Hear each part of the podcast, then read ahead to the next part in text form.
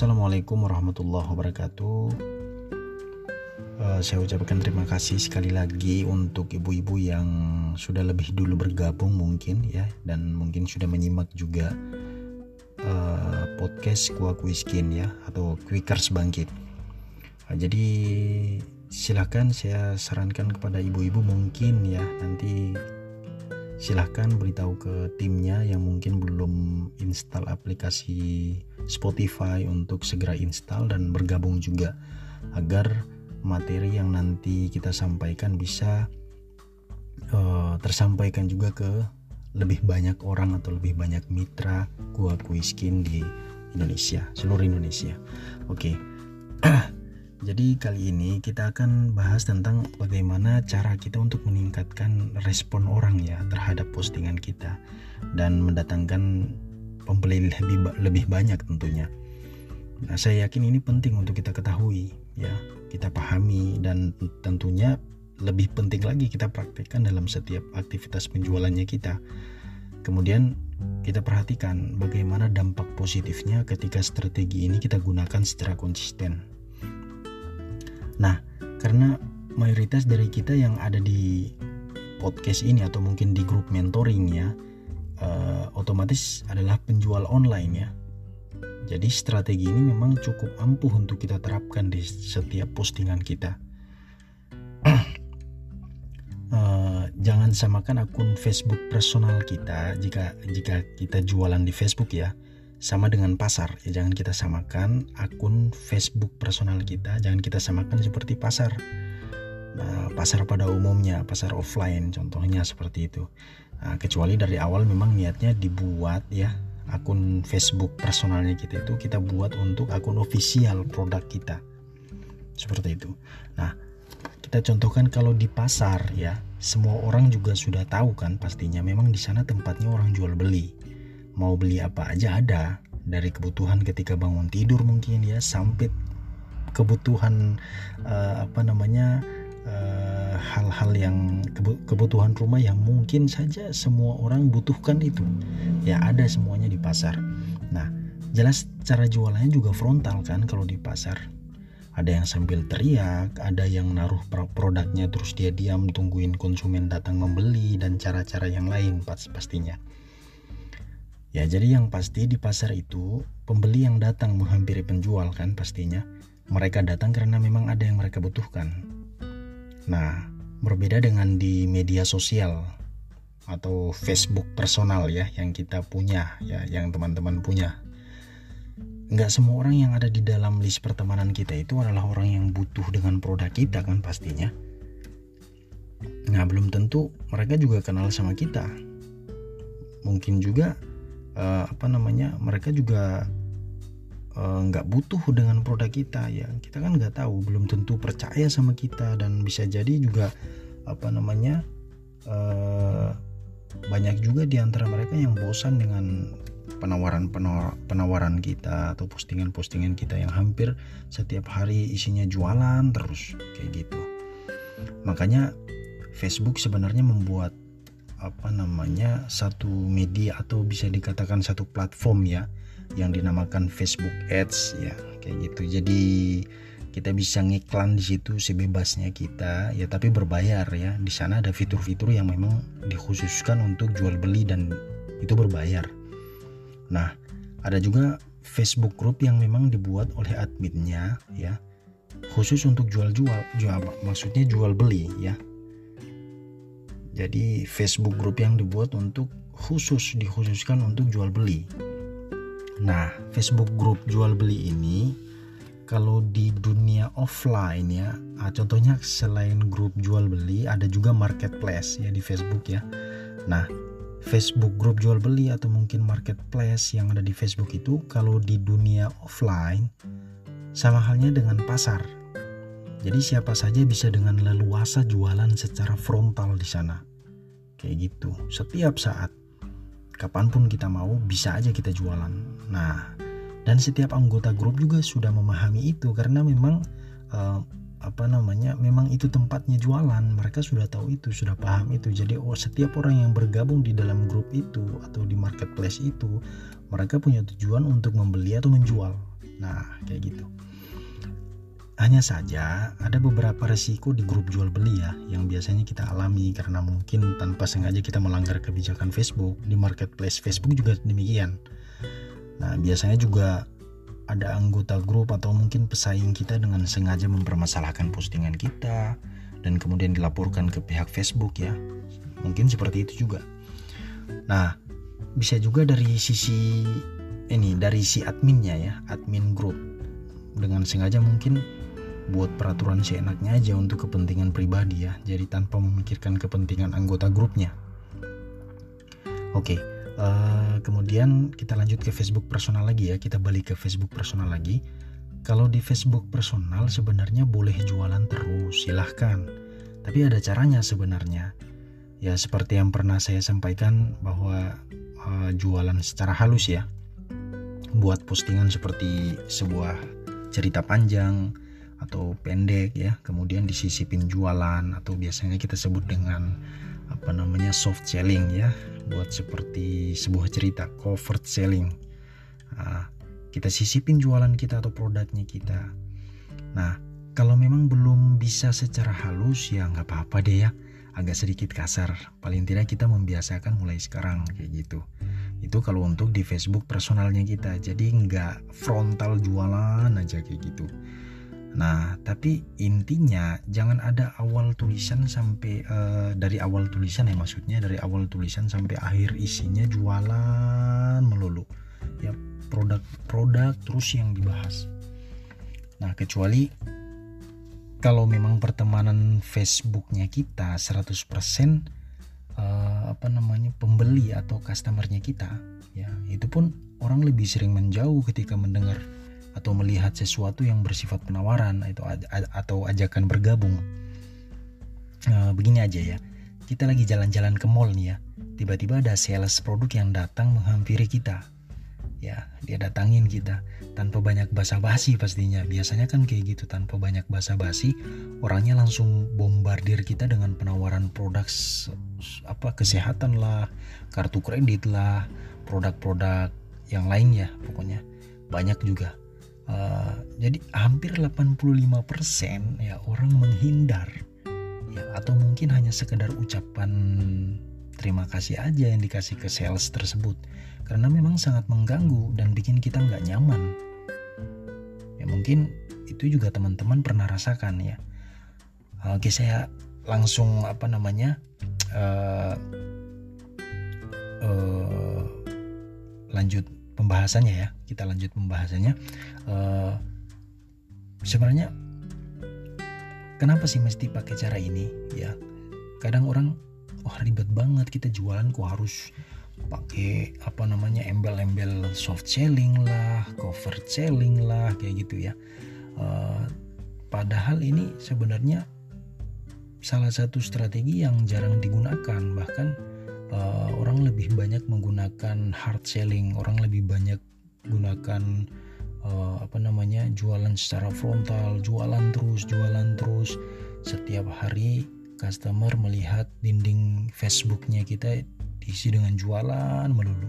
Apalagi itu di situ tertulis nama di akunnya Facebooknya kita itu tertulis nama lengkapnya kita bukan akun ofisial.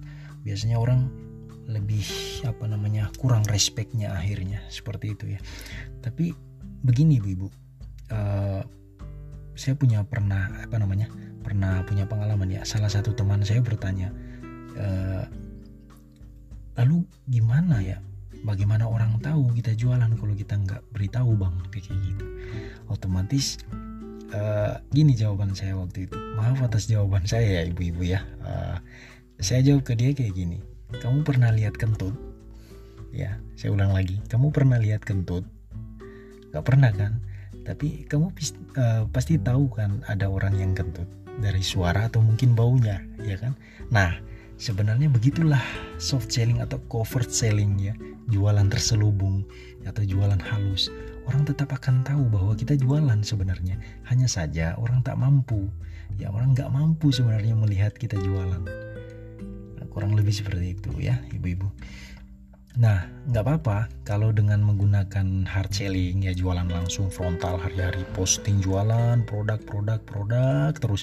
Setiap hari postingan kita uh, di like dan di komen banyak orang ya ketika kita gunakan hard selling. Setiap hari kebanjiran orderan dan omsetnya makin meroket ya. Sekali lagi nggak apa-apa lanjutkan aja bagus kok. Nah uh, sebenarnya apa yang saya sampaikan barusan hanya sebuah strategi aja ya ibu-ibu. Bisa digunakan, bisa juga enggak. Intinya ya kita jualan kayak gitu. Nah, ini strategi yang bisa digunakan juga seperti itu. Pengalaman dari survei yang pernah saya lakukan ya sebenarnya ternyata masyarakat Facebook ya atau penghuni Facebook itu atau aliennya Facebook itu ya kita kita ini termasuk ya uh, atau masyarakat media sosial, orang yang sering mengunjungi media sosial lainnya tentunya cenderung lebih menyukai ya dan lebih cepat merespon postingan orang lain yang bersifat sharing, hal-hal bermanfaat tentunya ya. Nah, postingan lucu mungkin, postingan inspiratif ya. Nah, respon tersebut pastinya berupa like, komen dan share. Nah, coba lakukan itu banyak-banyak sharing hal yang bermanfaat juga jangan cuman sekedar jualan-jualan terus. Nah sambil sisipin jualan produk produknya kita produk KKS ya kuaku iskin nah terus ada timbul pertanyaan like komen dan share itu penting. Nah di sini saya jawab nih otomatis ibu-ibu juga sudah pada tahu cuman kadang kita sepelekan gitu ya saya katakan dengan tegas bahwa itu oh jelas sangat penting bagi kita penjual online sudah jadi rahasia umum itu tentang algoritma Facebook bahwa setiap postingan yang sering di like, di komen, dan di share akan terus naik urutannya hingga semakin banyak orang dapat melihat postingan kita pastinya. Nah maka potensi untuk menggiring orang membeli produk kita itu jauh lebih besar ibu-ibu. Kayak gitu. Nah Selain itu, eh, ya saya ingin bahas beberapa hal penting juga yang wajib kita ketahui ketika kita jualan online ya. Ini berkaitan dengan tujuan marketing juga. Nah, yang pertama itu tahu ya, yang pertama itu tahu atau kenal ya. Oke. Mungkin kita pernah lihat ya atau mungkin kita pernah dengar iklan produk yang sering banget ya nongol di TV. Banyak sih ya. Contohnya aja hmm, produk Aqua mungkin ya Kenapa setiap saat ketika akan beli air min mineral, ya yang kita sebut pasti aqua. Padahal kan banyak juga air mineral selain aqua kan? Tapi kenapa aqua lebih unggul di pikiran kita? Kenapa aqua lebih nancap di pikiran kita? Ya, ada beberapa faktornya, ya, ada beberapa faktornya. Ya, mungkin saja karena produk aku lebih dulu dikenali oleh setiap orang ya dan lebih lama tentunya ya Nah, terus kemudian ada faktor repetisi juga, pengulangan atau keseringan dalam hal promosi ya. Dalam hal promosi mereka promosinya sering banget. Akhirnya itu sudah tertanam di alam bawah sadar uh, apa namanya? setiap orang yang melihat iklan tersebut ya. Dan masih banyak lagi. Nah, jadi faktor-faktor inilah yang biasanya menancap begitu dalam dan begitu lama di alam bawah sadar setiap orang ya, termasuk kita ini kan. Nah, seperti itu. Akhirnya begitu banyak orang tahu produk Aqua dan tentunya semakin mengenali produk Aqua.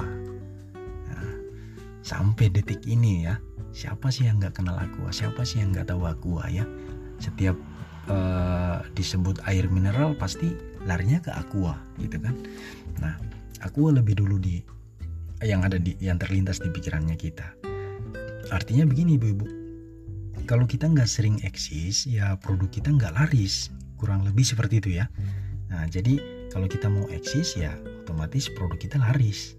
Jadi eksis dulu gitu. Nah makanya mulai sekarang coba lebih eksis lagi di online.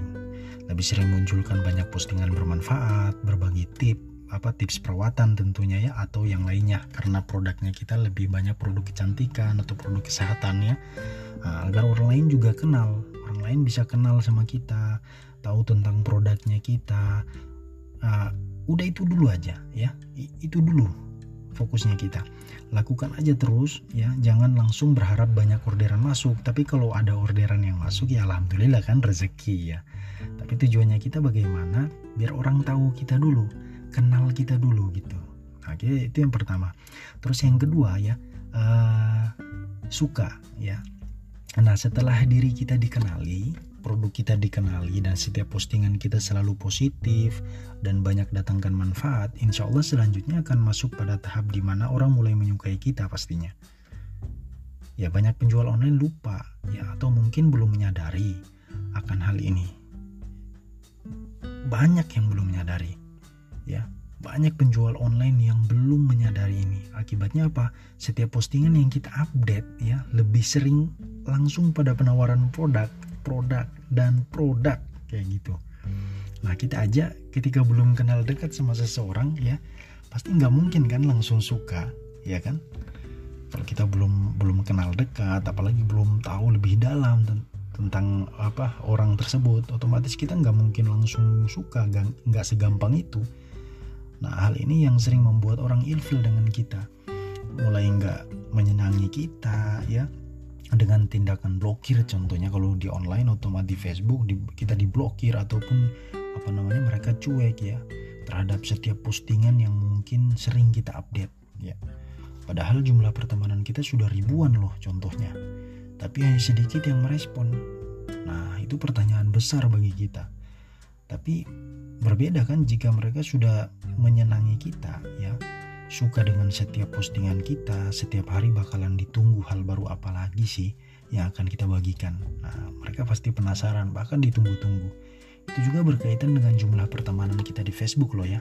Kalau memang masih belum banyak temannya, jumlah pertemanannya masih sedikit, coba deh rutin lagi add teman sesuai target kita ya. Jadi maksimal 50 orang dalam sehari. Dan itu konsisten ibu-ibu Nah, seperti yang pernah saya sampaikan beberapa waktu lalu, ya, bahwa uh, untuk add pertemanan ya minimal 40 maksimal 50 ya kayak gitu. Oke, kita lanjut yang ketiga ya, yaitu uh, percaya. Jadi, faktor kepercayaan ini sebenarnya dengan mudah kita dapat ya setelah orang lain sudah mulai sangat mengenali kita. Jadi mereka kenal dulu sama kita ya Nah, kemudian uh, mereka otomatis ketika sudah kenal, ya kenal dekat, nah, otomatis mereka menyukai kita juga dan apa saja yang sering kita bagikan di Facebook pasti mereka sukai. Uh, bagaimana orang lain mau percaya kan kalau kita nggak berusaha buat mereka mengenali kita sedekat-dekatnya, benar kan? Nah, kadang postingan Facebook khusus jualan juga kita campur dengan postingan yang nggak ada manfaatnya. Nah ini nih ya kebanyakan kita uh, dapati seperti ini. Uh, seperti mengeluh contohnya berantem buka aib orang saling hujat uh, dan masih banyak lagi hal-hal negatif yang seharusnya nggak kita posting di publik. Karena itu juga sering jadi penyebab kurangnya respect dan apa namanya ke, kurangnya kepercayaan orang lain ke kita. Nah kalau orang sudah kenal ya sudah suka dan percaya sama kita insya Allah mereka lebih mudah membeli apa pun yang kita jual. Ya. Apalagi produknya bermanfaat ya, seperti kuah Skin, produknya kuah Skin, produk mana sih yang nggak bermanfaat ya kan? Semuanya bermanfaat banget gitu kan, bahkan berkhasiat banget gitu. Apalagi memang mereka benar-benar lagi butuh. Nah itu sudah cocok banget gitu, kayak gitu. Terus uh, yang keempat ya membeli. Ya, nah sebagai penjual online ya ini yang kita harapin kan? Ya betul. Harapannya kan produk kita laku. Ya dibeli laris manis ya. Banyak yang beli. Tapi apakah hanya sekali beli aja terus menghilang selama-lamanya? Kayak gitu yang kita inginkan. Enggak kan? Nah ternyata tidak memang. Oke kita lanjut. Yang kelima nih nyambung ya. E, membeli lagi. Otomatis setelah mereka membeli yang kita harapin bagaimana mereka bisa datang kembali dan membeli lagi. Nah tahapan ini juga amat sangat penting sebenarnya. Dan ini sudah mulai berkaitan dengan pelayanan customer ya, service excellent. Uh, harapan kita selanjutnya kan bagaimana membuat konsumen kita itu menjadi customer, pelanggan setia. Maka faktor melayani amat sangat penting, sangat dibutuhkan sehingga terjadilah apa namanya uh, repeat order atau pembelanjaan ulang ya, repeat order yang berulang-ulang seperti itu. Karena apa? Customer nyaman sama kita suka sama kita kayak gitu. Eh, dengan cara servisnya kita melayani dia gitu kan beda dengan penjual-penjual online di luar sana. Seperti itu. Caranya bagaimana? Mengikat konsumen agar terus kembali dan terus kembali membeli pada kita? Pertanyaannya bagaimana? Ah seperti itu pertanyaannya ya.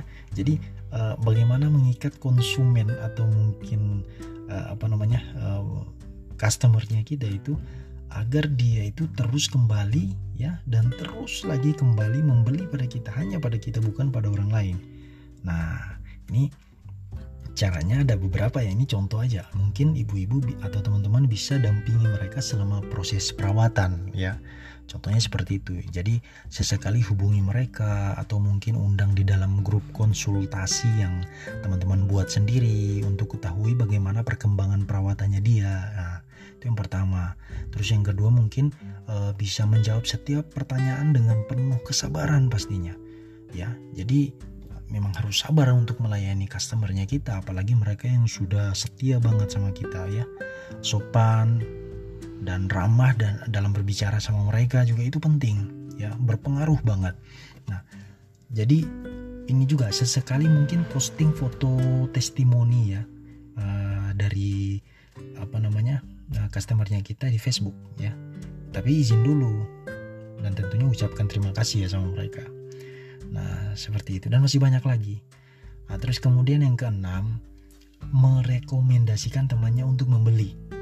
Nah jadi jika customernya kita ini benar-benar sudah semakin nyaman dengan setiap pelayanan kita ya. Mereka sudah semakin nyaman dengan setiap pelayanan kita dan memang produk kita begitu banyak manfaat dan sangat membantu mereka, maka tinggal menunggu waktu aja sih sebenarnya. Kita ya dan produknya kita ya akan menjadi rekomendasi tepat yang kemudian uh, menyebar luas dari mulut ke mulut. Pasti kita dan produknya kita ya saya ulangi lagi, pasti produknya kita dan kita ya pasti uh, direkomendasikan ya ke teman-temannya mereka tentunya dengan sukarela ya customer kita akan menceritakan pada teman-temannya tentang kita dan manfaat produk yang kita jual. Nah kurang lebih seperti itu ibu-ibu untuk materi kali ini ya. Bisa dibilang materi pertama ya di podcast Quickers Bangkit ini. Semoga ada manfaatnya dan semoga bisa dipraktekkan dalam proses penjualan ibu-ibu uh, Quickers di seluruh Indonesia. Terima kasih ibu-ibu. Assalamualaikum warahmatullahi wabarakatuh.